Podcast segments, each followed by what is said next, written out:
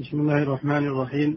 الحمد لله رب العالمين والصلاة والسلام على نبينا محمد وعلى آله وأصحابه أجمعين. أما بعد قال المؤلف رحمه الله تعالى ومثل هذه الألفاظ يسميها بعض الناس مشككة تشكيك المستمع فيها. هل هي من بسم الله الرحمن الرحيم. سبق لنا انقسام الألفاظ من حيث الاشتراك والإفتراق إلى أربعة أقسام. إذا اشتركت الألفاظ في اللفظ والمعنى فهي متواطئة اللفظ والمعنى فهي متواطئة وإذا اشتركت في المعنى فقط دون اللفظ فهي مترادفة. وإذا اشتركت في المعنى في اللفظ إذا اشتركت في اللفظ دون المعنى فهي متباين فهي آه، تسمى بالمشترك اللفظي اشترك لفظي. وإذا اختلفت في اللفظ والمعنى فهي متباينة. ومثلنا لكل نوع. المتواطي قد يكون متواطئا تاما. يكون متواطئا تاما. المعنى تام في, الاثنين. هذا يسمى المتواطئ التام.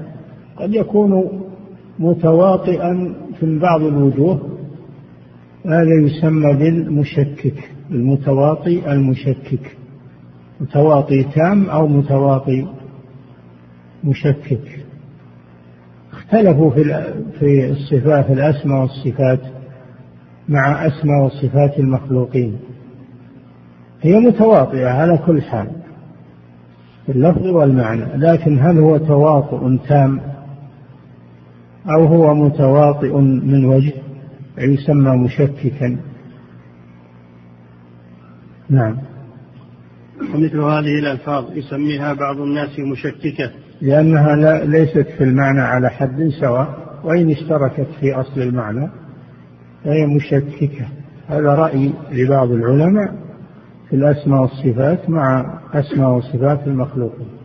أنها متواطئة لكن متواطئة مشككة. والجمهور على أنها متواطئة تامة في الذهن. أما في الخارج فهي مختلفة. أسماء المخلوقين غير أسماء الخالق في الخارج وفي الحقيقة. كذلك صفات المخلوقين غير صفات الخالق في الواقع والحقيقة. وإن اشتركت في المعنى الذهني واللفظ فهي في الحقيقة مختلفة.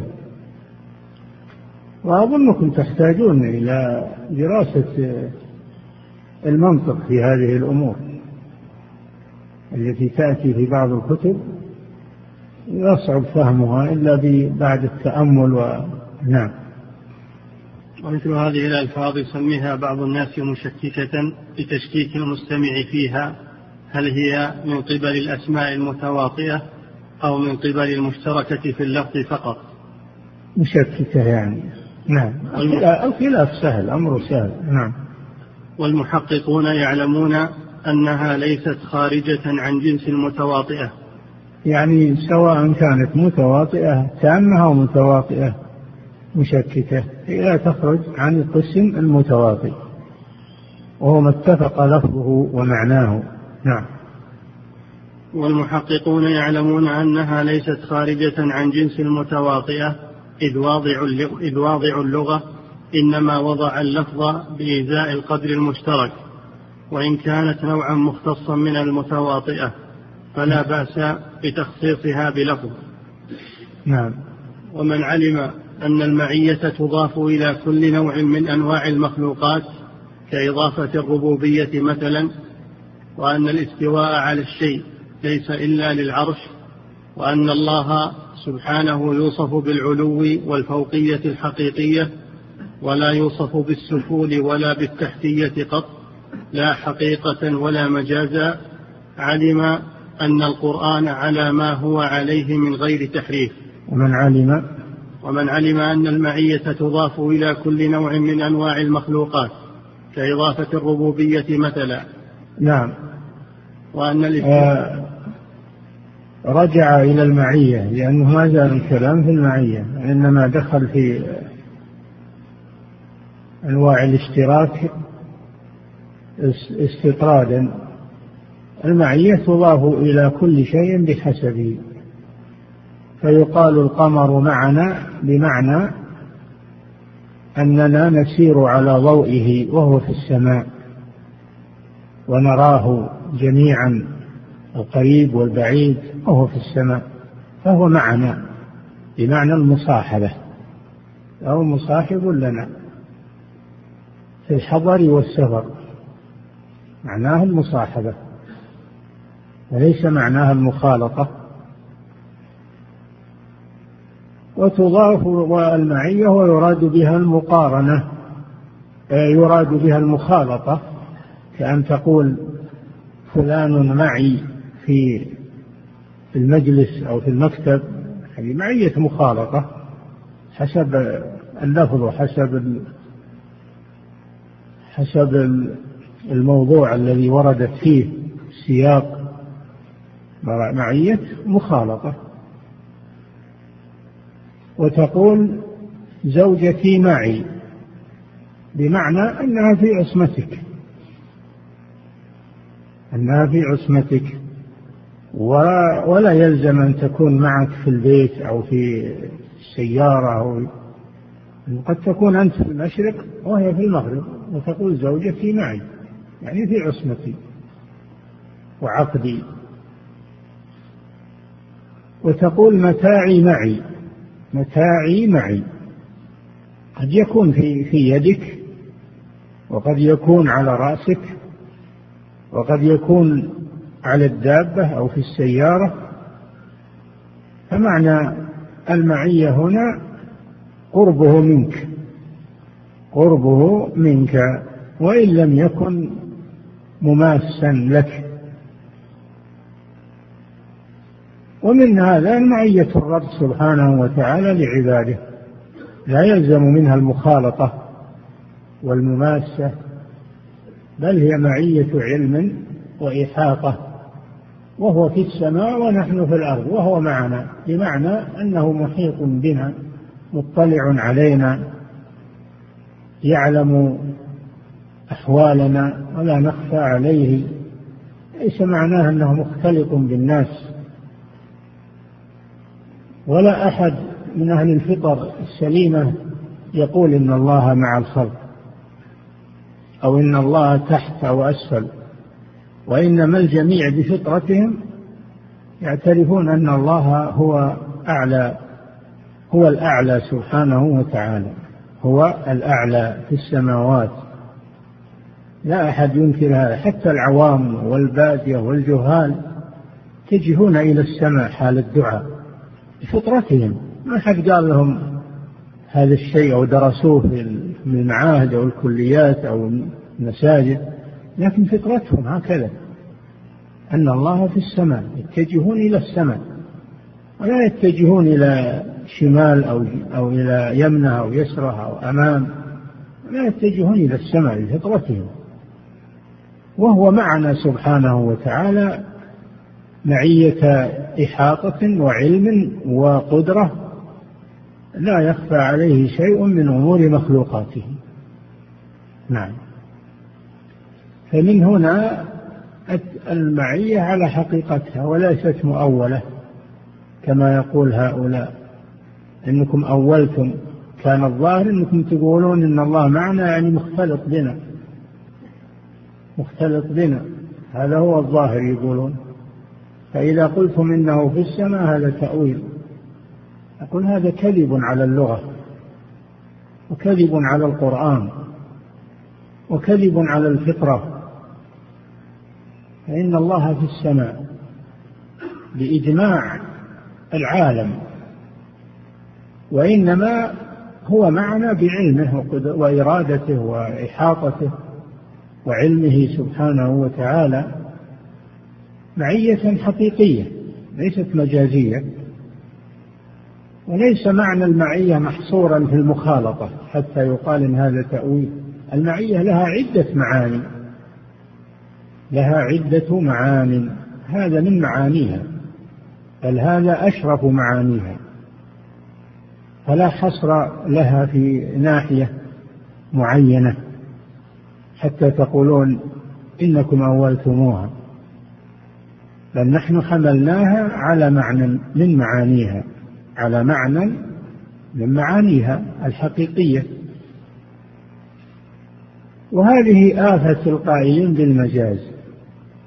الذين قالوا إن الكلام ينقسم إلى حقيقة ومجاز آفتهم أنهم ليسوا من العرب أصلا وإنما هم أعاجم. درسوا العربية ولم يتمكنوا من أصولها ووضعها ولم يحيطوا بها. فحصروا المعاني في أشياء من خالفها فهو مجاز. حصروها في أشياء إذا خولفت قالوا هذا مجاز. مجاز بالنسبة لكم ولفهمكم. أما بالنسبة لأهل اللغة فلا يقولون أن هذا مجاز. اللغة واسعة وليست محصورة في معنى واحد ولم تحيط بمعانيها. فليس في كلام الله مجاز بل هو حق على حقيقته. وإنما هذا مما ابتدعه المتأخرون خصوصا العلماء الذين كانوا من الأعاجم في الأصل ولم يكونوا عربا فصحاء في الأصل حتى عرفوا العربية. ولذلك السلف من الصحابة والتابعين والقرون المفضلة ما قالوا بالمجاز أبدا وليس في كلامهم وتفسيرهم إن اللغة تنقسم إلى حقيقة ومجاز وأن القرآن فيه حقيقة ومجاز وأن الأحاديث فيها حقيقة ومجاز. ما قال هذا أحد من السلف؟ أبدا. إنما حدث هذا بعد السلف. بعدما جاء أناس دخلوا في الإسلام حسن إسلامهم تعلموا العلوم الشرعية ومنها اللغة لكن لم يحيطوا بها ويتمكنوا منها تماما. سيبويه إمام أهل اللغة هو أعجمي أصله أعجمي لكنه تمكن تمكن من اللغة. ما قال بالحقيقة والمجاز لأنه عرف اللغة على حقيقتها. فلم يقل ولا الخليل بن أحمد ولا الأئمة الكبار من أئمة اللغة ما قالوا بهذا ما قالوا بالحقيقة والمجاز إنما هذا جاء متأخرا عند قوم قصرت أفهامهم عن معرفة اللغة العربية وحصروها في معان فهموها وظنوا أنها هي المقصودة دائما وأبدا ولا يخرج عنها. إن خرج عنها صار مجازا كما يقولون. نعم. ومن علم أن المعية تضاف إلى كل نوع من أنواع المخلوقات كإضافة الربوبية مثلا وأن الاستواء على الشيء ليس إلا للعرش وأن الله يوصف بالعلو والفوقية الحقيقية ولا الاستواء بالنسبة لله ليس إلا للعرش. ما ورد أن الله استوى على الأرض أو استوى على الجبل أو استوى إنما اضطرد السياق في القرآن استوى على العرش كل الألفاظ. سبع آيات من القرآن وردت كلها بلفظ واحد استوى على العرش. هذا خاص بالله جل وعلا. وهو استواء يليق بجلاله سبحانه وتعالى. ولا ورد أن الله استوى على الجبل أو استوى على الشجرة أو استوى على كذا أبدا. نعم. وأن الله يوصف بالعلو والفوقية الحقيقية. يوصف بأنه بأنه العلي العظيم علي الذات وعلي القدر وعلي القهر لأن العلو له ثلاثة معاني علو الذات فوق مخلوقاته وعلو القدر وعلو القهر. فأهل السنة والجماعة يثبتون العلو بأنواعه الثلاثة. أما الخلف فيثبتون العلو بنوعيه فقط علو القهر وعلو القدر وينفون علو الذات. ينفون علو الذات. نعم. وأن الله سبحانه يوصف بالعلو والفوقية الحقيقية. ولا يوصف بال ولا وليس الحق ليس العلو المجازي ولا الحق ولا الفوقية المجازية. فوق عباده بقدره أو بقهره هذا مجاز عندهم. حقيقة. فوقهم بذاته. فوقية حقيقية. نعم. ولا يوصف بالسفول ولا بالتحتية قط. لا حقيقة ولا مجازا. ولا يوصف بالتحتية أن الله تحت الله فوق مخلوقاته ولا جاء في لفظ ولا في حديث حتى ولا مكذوب أن الله تحت عباده أو أسفل عباده. ما ورد هذا؟ نعم. ولا يوصف بالسفول ولا بالتحتية قط لا حقيقة ولا مجازا. علم أن القرآن على ما هو عليه من غير تحريف. القرآن على ما هو عليه من غير تحريف ولا ولا مجاز كما يقولون بل هو على حقيقته على حقيقته. لأنه بلسان عربي مبين واللسان العربي له اتساع له اتساع لا يعلمه إلا المتضلعون في اللغة العربية. أو الذين كان سليقتهم العربية ونشأوا عليها كالعرب الأوائل. العرب الأوائل سليقتهم عربية ما دخلوا معاهد ولا كليات مثل شعراء الجاهلية سليقتهم كذا عربية فصحى. نعم. ثم ثم من توهم أن كون الله في السماء بمعنى أن السماء تحيط به وتحويه فهو كاذب إن نقله عن غيره وضال إن اعتقده في ربه. وهذه مسألة قد يتوهمها بعض أهل الباطل ويقولون إذا قلتم إن الله في السماء فمعناه أن الله محتاج إلى السماء. وإذا قلتم أن الله فوق العرش فمعناه أنه محتاج إلى العرش من أجل أن يحمله أن يحمل العرش رب العالمين. هكذا يشبهون على الناس. نقول أبدا هذا لا يلزم. الله في السماء إن أريد بالسماء العلو فإن في على حقيقتها. في السماء يعني في العلو. وإن أريد في السماء السماوات المبنية السبع الطباق فمعنى في السماء أي فوق السماء وعلى السماء لأن في تأتي بمعنى على. في اللغة تأتي في بمعنى على في اللغة العربية الفصحى. سيروا في الأرض. هل معناه أنكم تدخلون بسراديب في الأرض؟ أو تسيرون فوقها؟ فوق الأرض. ففي بمعنى على. ولأصلبنكم في جذوع النخل. هل معنى هذا أنه أدخلهم في جذوع النخل أو أنه صلبهم فوقها فوق الجذوع وعليها على الجذوع؟ فاللغة العربية واسعة. ما أحد يتكلم فيها بدون أنه يحيط بمعانيها ويلم بأطرافها. نعم. فمعنى في السماء أنه في العلو سبحانه وتعالى. أنه في العلو حقا على حقيقته. وليس معناها أن السماء تقله يعني ترفعه سبحانه أو تضله أنه داخل في مخلوقاته وأن السماء فوقه أو العرش فوقه. حاشا وكلف الله لا يحيط به شيء. سبحانه وتعالى.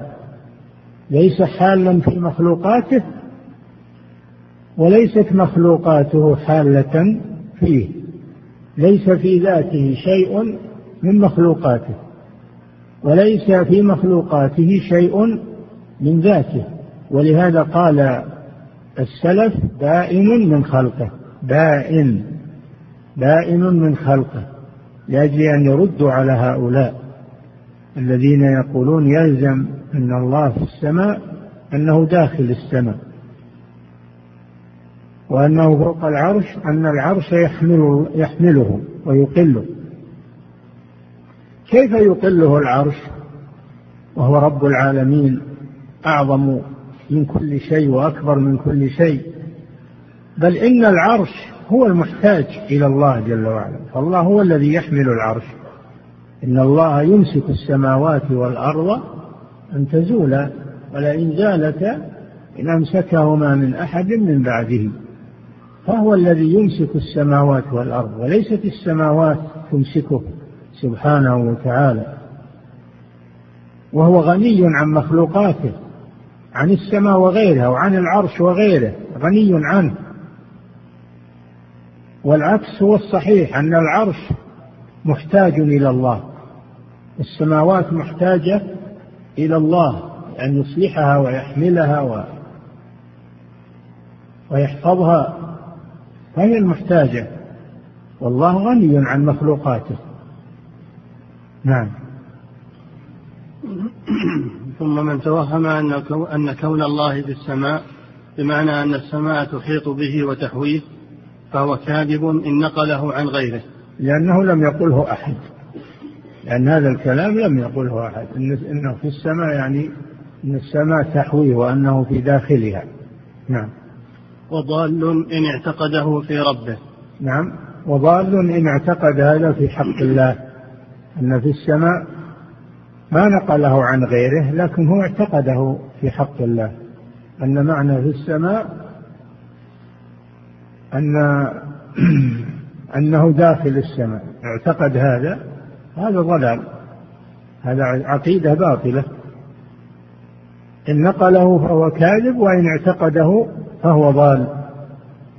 وماذا بعد الحق إلا الضلال؟ نعم. وما سمعنا أحدا يفهمه من اللفظ ولا رأينا ما يقول الشيخ تقي الدين على سعة اطلاعه وسعة علمه يقول ما سمعنا أحدا. ما سمعنا أحدا يقول هذا القول. نعم. وهو من هو في علمه وفي وفي اتساع ارتباطه بالعلماء وأخذه عنهم؟ يقول ما سمعت أحد يقول هذا الكلام ولا قرأته لأحد. نعم. وما سمعنا أحدا يفهمه من اللفظ. نعم. ولا رأينا أحدا نقله عن ولا ولا رأينا أحدا نقله عن أحد. نعم. ولو سئل سائر المسلمين هل تفهمون من قول الله تعالى ورسوله أن الله في السماء أن السماء تحويه؟ لبادر كل أحد منهم إلى أن يقول هذا شيء لعله لم يخطر ببالنا. نعم لو سئل أي واحد من المسلمين حتى من العوام لو سألت العامي هل تعتقد أن أن الله في السماء أنه داخل السماء؟ وأن السماء فوقه وتحويه قال هذا شيء لم يرد في بالي ولم أتصوره أبدا. نعم. وإذا كان الأمر هكذا فمن التكلف أن يجعل ظاهر اللفظ شيئا محالا لا يفهمه الناس منه. نعم. من التكلف أنه يجعل شيء ظاهرا لللفظ والمسلمون قاطبة وعلماؤهم خاصة لم يفهموا هذا هذا الشيء. هذا من الكذب. نعم. وإذا كان الأمر هكذا فمن التكلف أن يجعل ظاهر اللفظ شيئا محالا لا يفهمه الناس منه ثم يريد أن يتأوله. بل نعم. يتوهم شيء ثم يريد أنه يؤول له لينفي هذا الشيء الذي توهمه. يريد أن يغير كلام الله من أجل فهمه. هو. هذا لا يجوز. الواجب العكس. أن تغير فهمك ليوافق كلام الله سبحانه وتعالى. أما أن تغير كلام الله وتؤوله من أجل أن يوافق فهما فهمته وأنت مخطئ فيه وضال فيه فهذا لا يجوز أبدا. الواجب العكس. أن الأفهام تخضع لكلام الله. ما أقره كلام الله فهو صحيح وما خالفه كلام الله فهو باطل. نعم. بل عند المسلمين أن الله في السماء وهو على العرش واحد. إذ السماء إنما يراد به العلو. آه كما سبق أن قلنا إن أريد بالسماء العلو فإن في على بابها ظرفية في السماء يعني في العلو.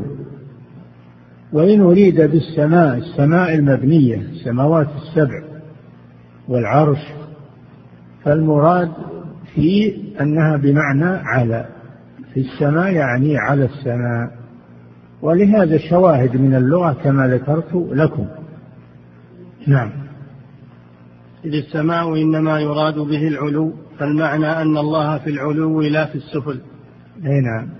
مثل ما قال النبي صلى الله عليه وسلم للجارية أين الله؟ قالت في السماء. هذا كما في القرآن آمنتم من في السماء؟ أي الله جل وعلا في السماء يعني في العلو. ليس معناه أنه داخل السماء. نعم.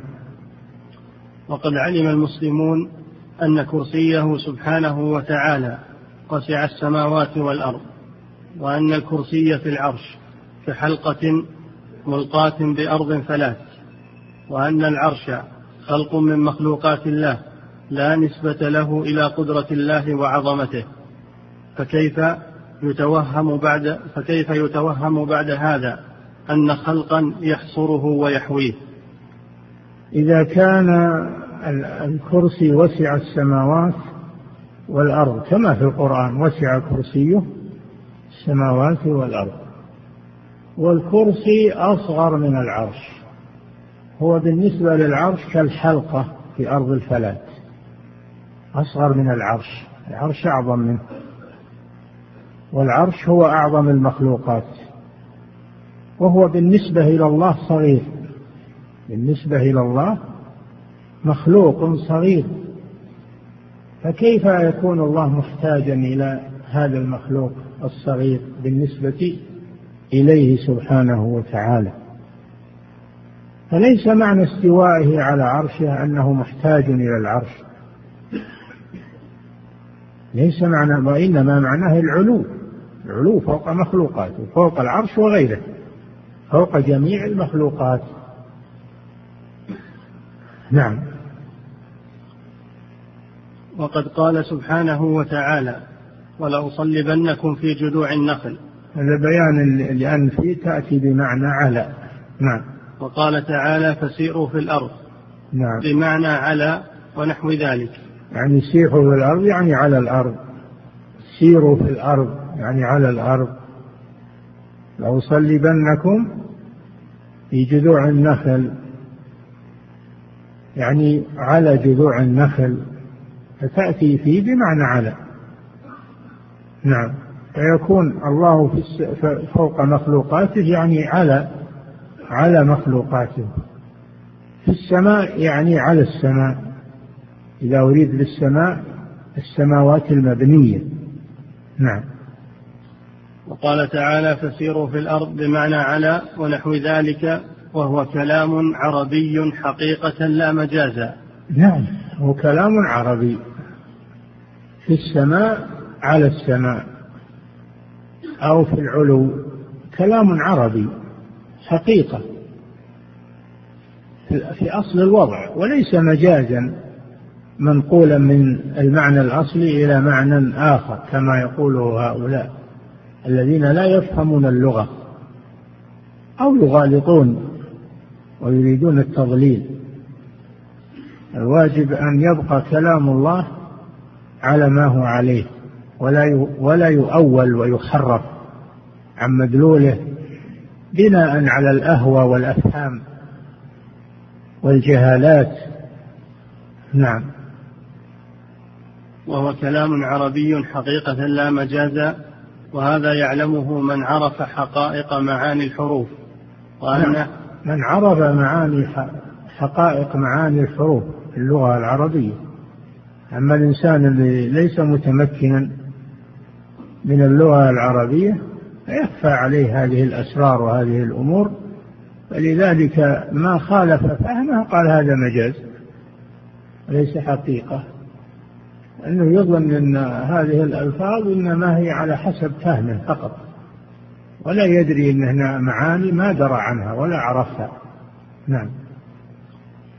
وهذا يعلمه من عرف حقائق معاني الحروف. وأنها متواطئة وأنها متواطئة في الغالب لا مشتركة. متواطئة يعني متفقة في اللفظ والمعنى لا مشتركة. والمشترك هو المتفق في اللفظ المختلف معنى ومثلوا له بالعين. هذا مشترك لفظي مختلف في المعنى. وإن اتفق لفظه العين تطلق على الذهب. وتطلق على العين الباصرة عين الإنسان والحيوان. وتطلق على العين الجارية النابعة من الأرض تسمى عين. فهو لفظ مشترك. متفق اللفظ ومختلف المعنى. هذا هو المشترك في اللغة. نعم. وكذلك قول النبي صلى الله عليه وسلم إذا قام أحدكم إلى الصلاة فإن الله قبل وجهه فلا يبصق قبل وجهه. الحديث حق على ظاهره. قال صلى الله عليه وسلم إذا قام أحدكم إلى الصلاة فلا يبصق أمامه فإن الله تلقاء وجهه فإن الله سبحانه وتعالى ينصب وجهه الكريم قبل وجه المصلي. إذا قام في الصلاة يناجيه ويدعوه. ولهذا قال صلى الله عليه وسلم فإذا صليتم فلا تلتفتوا. إذا صليتم إن أحدكم إذا قام إلى الصلاة فإن الله قبل وجهه فلا فإذا صليتم فلا تلتفتوا. يعني أنت لو تخاطب واحد من الناس أو من الملوك ثم تصد عنه. ألا يعتبرك أنك قد أسأت في حقه؟ هو مقبل عليك متجه إليك وأنت تصد عنه. هذا عيب في الأخلاق. هذا بالنسبة للمخلوقين. فكيف بالخالق الذي نصب وجهه إليك وأنت تناجيه وتدعوه ثم تلتفت عنه؟ قيل الالتفات بالوجه وقيل الالتفات بالقلب بالهواجس و و بالهواجس والأفكار. فإذا دخلت في الصلاة فأقبل على الله بقلبك وفكرك وجميع حواسك لأنك أمام رب العالمين. أمام رب العالمين. لو وقفت ولله المثل الأعلى أمام ملك من الملوك ماذا يكون شعورك وأنت أمامه؟ هل تلتفت عنه وتصد عنه؟ هل تبصق أمامك؟ هل تبصق أمامك والملك أمامك؟ قد يقتلك لأنك استهنت به. هذا في حق المخلوق. كيف في حق الخالق سبحانه وتعالى؟ الواجب أن المصلي يعظم قدر الصلاة ويعلم من هو واقف بين يديه فيخشع له سبحانه وتعالى. ويقبل عليه حتى يقبل منه دعاءه ويقبل منه صلاته ولا يكون معرضا عن الله واقف بجسمه لكنه منصرف عن الله بقلبه أو بوجهه أيضا. هذا فيه الأدب مع الله جل وعلا في الصلاة. هذا من الناحية المعنوية. من الناحية الحقيقية كما مر في المعية.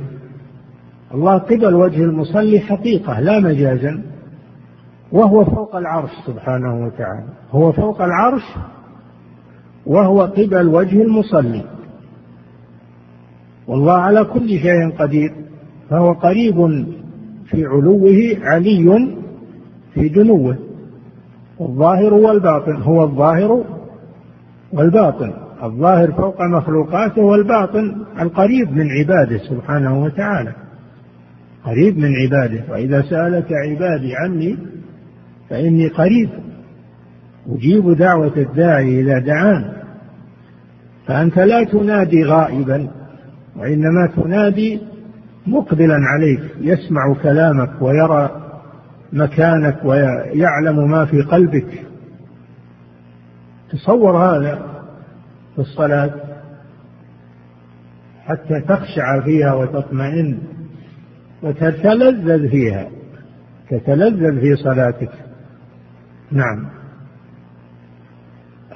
الحاصل أنه ليس معنى أن الله قبل وجه المصلي أنه مع المصلي وأنه مخالط له أنه مخالط له. وإنما معناه أنه فوق السماوات وهو قبل وجه المصلي كما أنه فوق السماوات وهو معنا أينما كنا. ما يكون من نجوى ثلاثة إلا هو رابعهم ولا خمسة إلا هو سادسهم ولا أدنى من ذلك ولا أكثر إلا هو معهم. معية معية علم وإحاطة واطلاع. نعم. وكذلك قول النبي صلى الله عليه وسلم إذا قام أحدكم إلى الصلاة فإن الله قبل وجهه فلا يبصق قبل وجهه الحديث حق على ظاهره. فلا يبصق قبل وجهه. وقد أرشد صلى الله عليه وسلم المصلي إذا بدره البصاق إن كان في غير المسجد يبصق عن يساره. وإن كان في المسجد يبصق تحت يبصق في في منديله أو في كمه يبصق في كمه أو في منديل معه ويفركه ويدخله في جيبه أو في أما أنه يبصق أمامه في الأرض هذا حرام ولا يجوز. نعم. الحديث حق على وإن كان في غير المسجد فإما أن يبصق عن يساره أو يبصق تحت قدمه هذا في غير المسجد. ما إذا كان في المسجد فلا بد أن يبصق في شيء معه من منديل أو طرف كمة أو طرف ثوبه ويفركه. نعم كما فعل النبي صلى الله عليه وسلم وبين لأصحابه ماذا يعملون إذا كانوا في المسجد. فأخذ طرف ثوبه عليه الصلاة والسلام وكفل فيه ثم ثم تركه وقال أو هكذا. نعم. الحديث حق على ظاهره وهو سبحانه فوق العرش وهو قبل وجه المصلي. وهو فوق العرش وهو قريب من عباده. وهو فوق العرش وهو مع عباده. كل حقيقة على ظاهرها. بالنسبة لله جل وعلا. نعم. بل هذا الوصف يثبت للمخلوقات فإن الإنسان لو أنه يناجي السماء ويناجي الشمس والقمر فكانت السماء والشمس والقمر فوقه وكانت أيضا قبل وجهه. هذا بالنسبة للمخلوقات ولله المثل الأعلى. لو أنك تناجي السماء وهي فوقك وهي أمامك أيضا. هي أمامك وفوق. الشمس أمامك وفوقك في السماء. القمر هذه مخلوقات. فإذا صدق هذا في المخلوقات ففي حق الخالق من باب أولى ولهذا نهي أن الإنسان يتبول أو يتغوط آه، أو يتغوط تجاه القبلة تجاه القبلة وتجاه الكعبة المشرفة. نعم. وقد ضرب النبي صلى الله عليه وسلم المثل بذلك ولله المثل الأعلى. ولكن المقصود بالتمثيل بيان جواز هذا وإمكانه لا تشبيه الخالق بالمخلوق.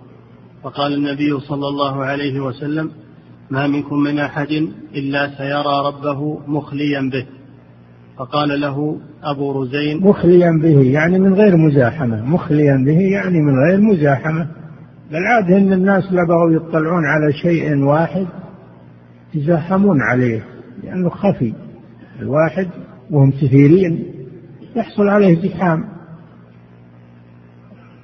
هذا بالنسبة للمخلوقات. ما بالنسبة للخالق فهو واحد سبحانه وكل يراه وهو في مكانه من غير زحام. كيف يتصور هذا؟ واحد ويراه كل الناس وكل في مكانه في المشرق أو في المغرب من غير زحام؟ نعم. مثال ذلك الشمس. الشمس والقمر الناس يرونها وهم في أمكنتهم. هل هم يتزاحمون بيشوفون القمر أو بيشوفون الشمس؟ ما يتزاحمون كل يشوفها وهو على راحته وفي سعته وفي مكانه. فإذا كان هذا ممكنا في المخلوق ففي حق الخالق من باب أولى. ولهذا ضرب النبي صلى الله عليه وسلم هذا المثل. إنكم سترون ربكم. يعني يوم القيامة كما حقيقة رؤية حقيقية. كما ترون القمر ليلة البدر. وكما ترون الشمس صحوا دون ليس دونها سحاب. من غير من غير أن تضارون في رؤيته أو تضامون في رؤيته. لا يحصل زحام ولا يحصل إشكال كما يحصل في الأشياء الخفية. الناس يزدحمون عليها ليروها. أما الله جل وعلا فإنه لا يحصل زحام لأهل الجنة حينما يرونه بل كل يراه وهو في منزله وهو في مقامه لأنه عال فوق مخلوقاته والشيء العالي يراه الناس بدون زحام. وإذا أمكن هذا في المخلوقات ففي حق الخالق من باب أولى. وليس هذا من تشبيه الشمس والقمر بالله. وإنما هو تشبيه الرؤية بالرؤية هذا من تشبيه الرؤية ولهذا قال كما ترون كما ترون. تشبيه الرؤية بالرؤية ترى الله كما ترى القمر. وليس تشبيها للمرء بالمرء نعم. وقد ضرب النبي صلى الله عليه وسلم المثل بذلك ولله المثل الأعلى. لكن المقصود بالتمثيل بيان جواز هذا وإمكانه لا تشبيه الخالق بالمخلوق. فقال النبي عليه الصلاة والسلام ما منكم من أحد إلا سيرى ربه مخليا به. مخليا به يعني من غير مزاحمة. من غير مزاحمة ولا مضارة. نعم. لا تضارون وفي رواية لا تضامون في رؤيته. نعم. فقال له أبو رزين العقيلي كيف يا, كيف يا رسول الله؟ وهو واحد ونحن جميع. فقال النبي صلى الله عليه وسلم سأنبئك مثل ذلك في آلاء الله. هذا القمر كلكم يراه مخليا به. كلكم يراه مخليا به وهو آية من آيات الله. فالله أكبر.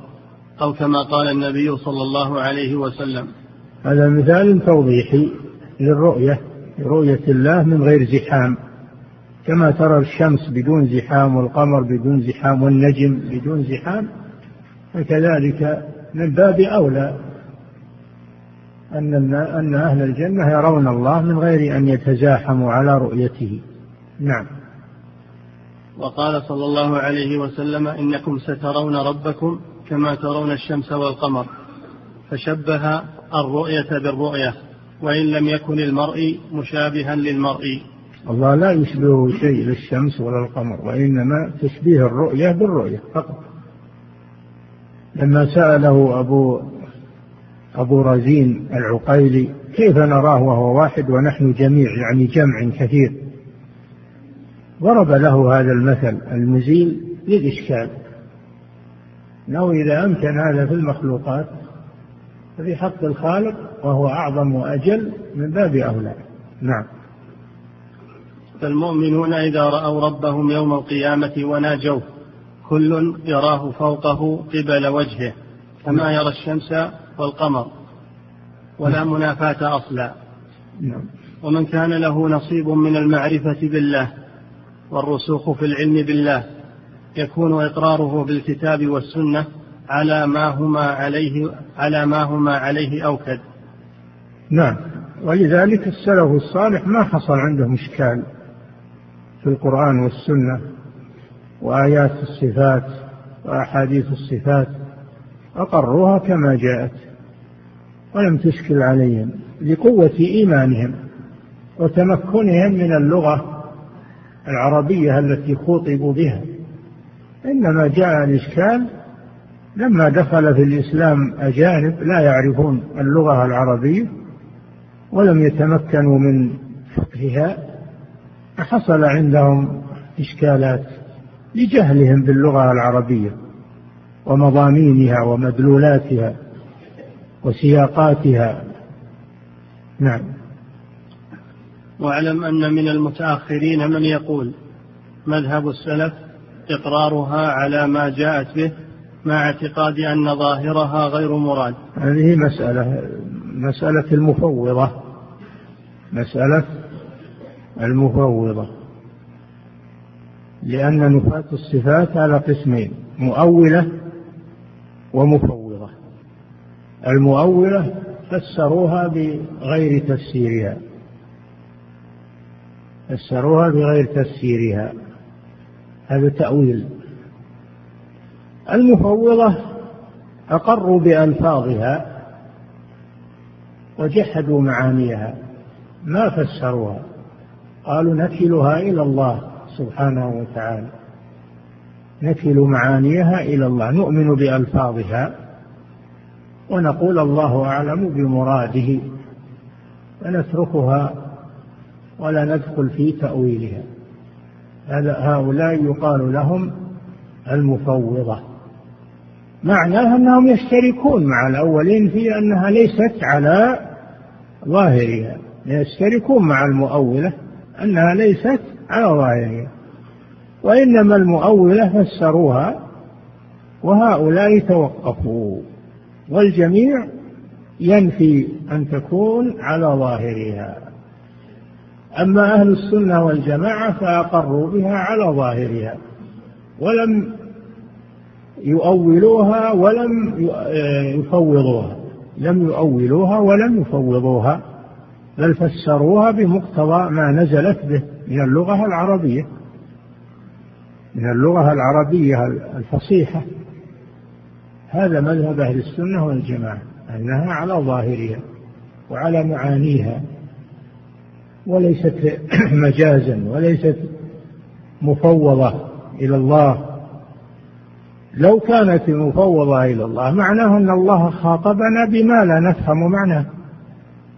خاطبنا بألغاز وأحاجي تعالى الله عن ذلك. الله أمرنا أن نتدبر القرآن كله. أمرنا أن نتدبر القرآن كله. أفلا يتدبرون القرآن أم على قلوب أقفالها؟ أفلم يدبروا القول؟ كتاب أنزلناه إليك مبارك ليدبروا آياته. أمرنا بتدبر القرآن كله. ولو كان فيه شيء ليس على ظاهره لم يأمرنا بتدبره لأن هذا تكليف ما لا يطاق. هذا تكليف ما لا يطاق. ثم لا نستفيد أيضا من القرآن. يبقى شيء من القرآن لا نستفيد منه. هذا لا يجوز في حق الله سبحانه وتعالى.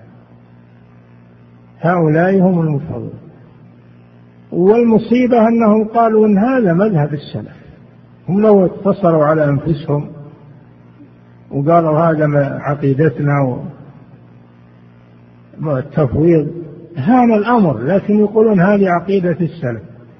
السلف لم يفهموا معانيها ولم يؤولوها. لم يفهموا ولم يؤولوا بل فوضوها إلى الله.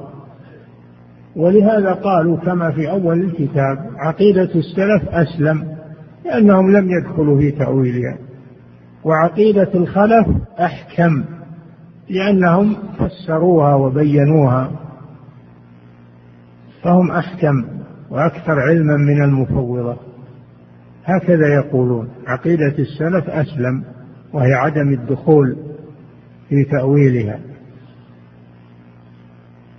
وأنهم فوضوها إلى الله وعقيدة الخلف المؤولة أحكم أحكم يعني من الإحكام والإتقان هي أتقن من عقيدة السلف لأنهم فسروها ووضحوا معانيها ولم يتركوها مبهمة.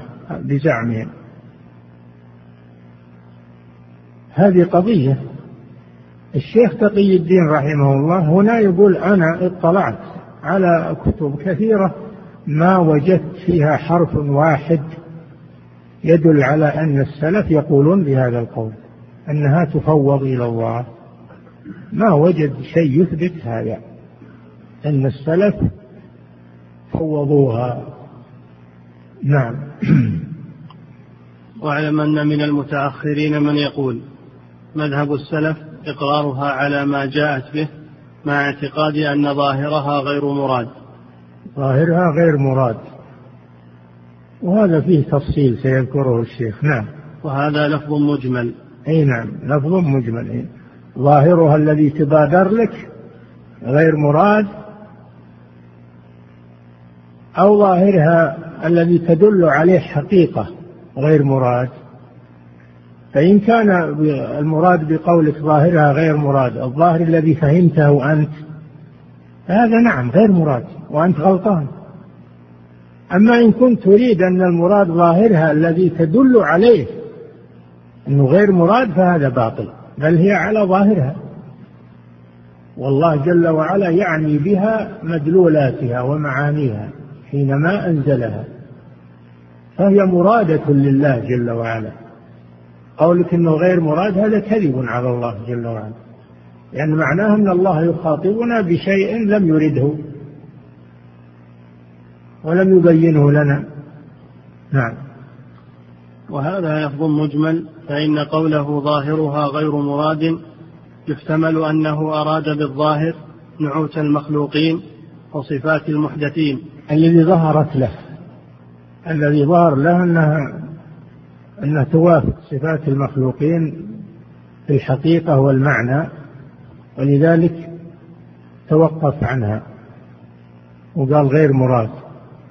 نقول هذا الكلام صحيح ظاهرها اللي فهمته غير مراد لكن قولك إن هذا هو مراد الله بها هذا غلط. نسبتك هذا إلى الله هذا غلط. ونسبتك إياه إلى السلف غلط. ظاهرها مراد عند الله وعند خلقه.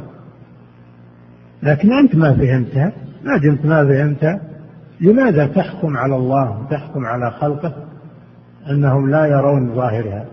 نعم. يحتمل أنه أراد بالظاهر نعوت المخلوقين يعني ما فهمه هو. أراد بالظاهر ما فهمه هو من نعوت المخلوقين. نعم. نعوت المخلوقين وصفات المحدثين. مثل أن يراد بكون الله قبل وجه المصلي أنه مستقر في الحائط الذي يصلي إليه. أنه مختلط بنا وأنه معك في المنزل اللي تصلي فيه أو المسجد. نعم. وأن الله معنا ظاهره أنه إلى جانبنا ونحو ذلك. أنه مختلط بخلقه. هذا ظاهرها عند هذا اللي يقول ظاهرها غير مراد؟ نقول هذا ما هو مراد صحيح. لكن ليس هذا هو ظاهرها. ظاهرها عندك أنت وأما ظاهرها حقيقة فهو غير هذا. نعم. فلا شك أن هذا غير مراد.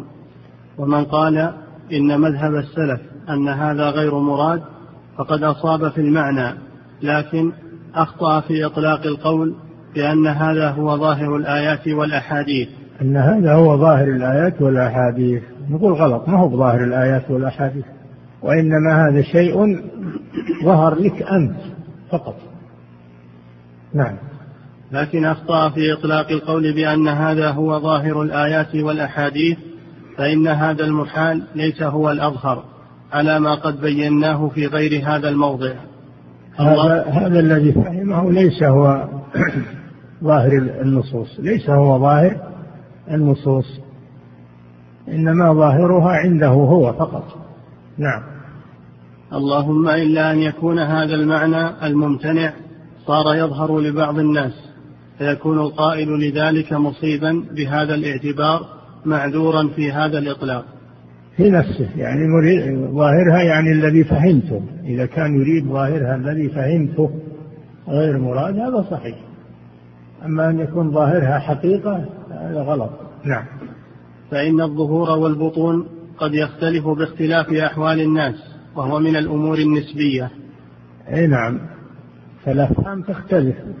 وكونك تقول هذا اللي ظهر لي وهذا اللي فهمته وهذا غير مراد كيفك؟ أنت وفاهمك كيف أما أنك تحكم على الناس تقول ظاهرها عند الناس جميع أنه غير مراد الناس يختلفون في الأفهام يختلفون في العلوم المدارك.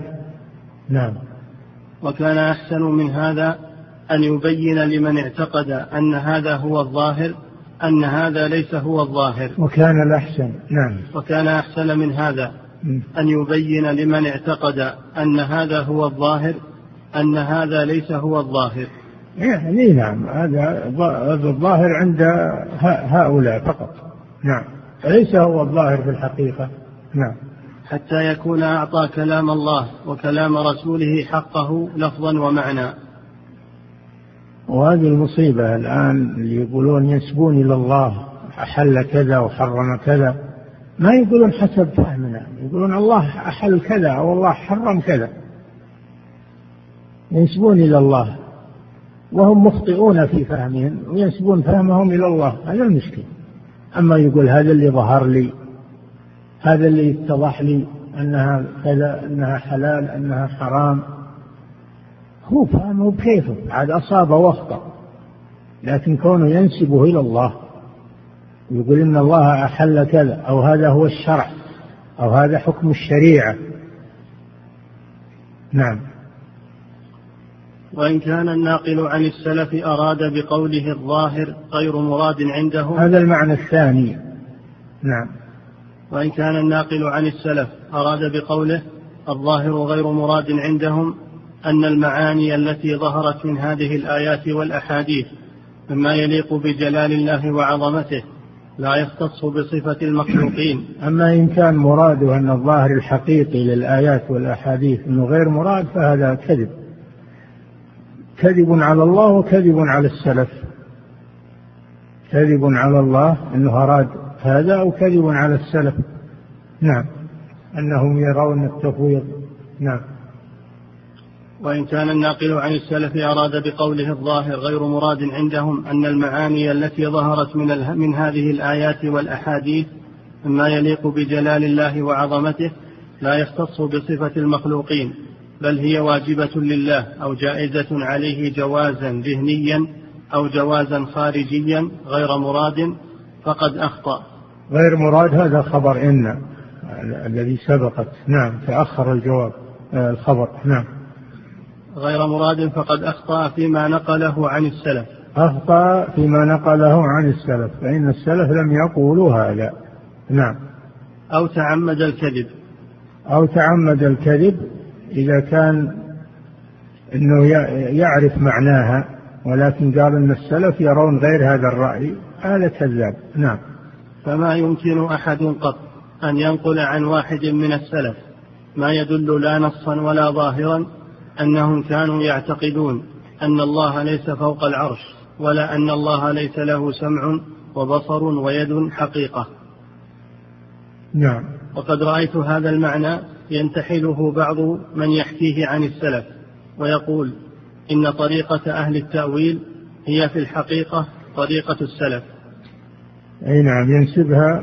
نعم إن إن. وقد رأيت هذا المعنى ينتحله بعض من يحكيه عن السلف ويقول م. إن طريقة أهل التأويل هي في الحقيقة طريقة السلف بمعنى أن الفريقين اتفقوا على أن هذه الآيات والأحاديث لم تدل على صفات الله سبحانه ولكن السلف أمسكوا عن تأويلها والمتأخرون رأوا المصلحة تأويلها. ولذلك قالوا طريقة السلف أسلم. طريقة الخلف أعلم وأحكم.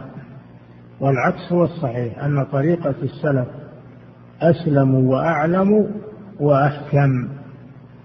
لأن لأن الحكمة لا تكون إلا بالعلم. لا تكون أحكم إلا إذا كانت أعلم. نعم. ولكن السلف أمسكوا عن تأويلها والمتأخرون رأوا المصلحة تأويلها لمسيس الحاجة إلى ذلك ويقول الفرق أن هؤلاء يعينون المراد بالتأويل وأولئك لا يعينون لجواز أن يراد غيره. وهذا القول على الإطلاق كذب صريح على السلف. السلف لم يقولوا بالتفويض أبدا في الأسماء والصفات وإنما قالوا إنها على حقيقتها وعلى معانيها. نعم. وهذا القول على الإطلاق كذب صريح على السلف أما في كثير من الصفات فقطعا مثل أن الله فوق العرش فإن من تأمل كلام السلف المنقول عنهم الذي لم يحكى هنا عشره علم علم بالاضطرار أن القوم كانوا مصرحين بأن الله فوق العرش حقيقة. فوق العرش حقيقة بذاته سبحانه. أما المؤولة فيقولون فوق العرش آه، سلطانه. فوق العرش سلطانه. استوى على العرش يعني استولى. استولى على العرش. نعم. علم بالاضطرار أن القوم كانوا مصرحين بأن الله فوق العرش حقيقة وأنهم ما اعتقدوا خلاف هذا قط وكثير منهم قد صرح في كثير من الصفات بمثل ذلك. والله يعلم أني بعد البحث التام ومطالعة ما أمكن من كلام السلف ما رأيت كلام أحد منهم يدل لا نصا ولا ظاهرا ولا بالقرائن على نفي الصفات الخبيثة. جاء في ترجمة الشيخ رحمه الله أنه كان لا يفسر الآية حتى يطالع مئة تفسير. لا لا يفسر الآية حتى يطالع مئة تفسير. فعنده اطلاع عظيم اطلاع واسع. ويقول أنا ما وجدت في مطالعاتي أن السلف كانوا يفوضون الأسماء والصفات. نعم. كلام إنسان عنده خبرة ما هو بجزاف نعم. والله يعلم أني بعد البحث التام. ومطالعة ما أمكن من كلام السلف. ما رأيت كلام أحد منهم يدل لا نصا ولا ظاهرا ولا بالقرائن على نفي الصفات الخبرية في نفس الأمر. نعم. بل, بل الذي رأيته أن كثيرا من كلامهم يدل إما نصا وإما ظاهرا على تقرير جنس هذه الصفات. ولا أنقل عن كل واحد منهم السلف لا يؤولونها ولا يفوضونها. وإنما يثبتونها على مدلولها وحقيقتها. هذا مذهب السلف. أما اللي يقولون أن السلف يأولون أو يقولون أنهم يفوضون فقد كذبوا عليهم ونسبوا إليهم ما هم منه أبرياء. نعم. بل الذي رأيته أن كثيرا من كلامهم يدل إما نصا وإما ظاهرا على تقرير جنس هذه الصفات. ولا أنقل عن كل واحد منهم إثبات كل صفة بل الذي رأيته أنهم يثبتون جنسها في الجملة. وما نعم المثبتة للصفات يختلفون. منهم من يثبت الصفات كلها ومنهم من يثبت بعضها ويؤول بعضها كالأشاعرة. يثبتون سبع صفات أو أربع عشرة صفة يسمونها العقلية وينفون البقية ويقولون هذه خبرية أو سمعية. هؤلاء عندهم إثبات عندهم نوع إثبات للصفات. خلاف الجهمية والمعتزلة فهم لا يثبتون شيئا من الأسماء والصفات. ومنهم من يثبت الأسماء والصفات كلها ولا يتوقف في شيء صح وثبت عن الله ورسوله. نعم. بل الذي رأيته أنهم يثبتون جنسها في الجملة وما رأيت أحدا منهم نفاها وإنما ينفون التشبيه وينكرون على المشبهة الذين يشبهون الله بخلقه. لأن الله أنكر التشبيه ليس كمثله شيء ليس كمثله شيء وهو السميع البصير. فلا تضربوا لله الأمثال؟ ليس ولا ليس كمثله شيء. فلا تضربوا لله الأمثال. هل تعلم له سميا؟ ولم يكن له كفوا أحد. نفى عن نفسه المشابهة وهذا هو الذي عليه سلف الأمة أنهم ينفون عن أسماء الله وصفاته مشابهة المخلوقين. نعم. وينكرون على المشبهات الذين يشبهون الله بخلقه مع إنكارهم على من نفى الصفات. ينكرون على المشبهة وعلى المعطلة. لأن الله أنكر على الفريقين فقوله ليس كمثله شيء هذا رد على المشبهة وهو السميع البصير هذا رد على المعطلة. فالسلف يردون على الفرقتين والطائفتين. نعم. وينكرون على المشبهة الذين يكفي يكفي. نعم.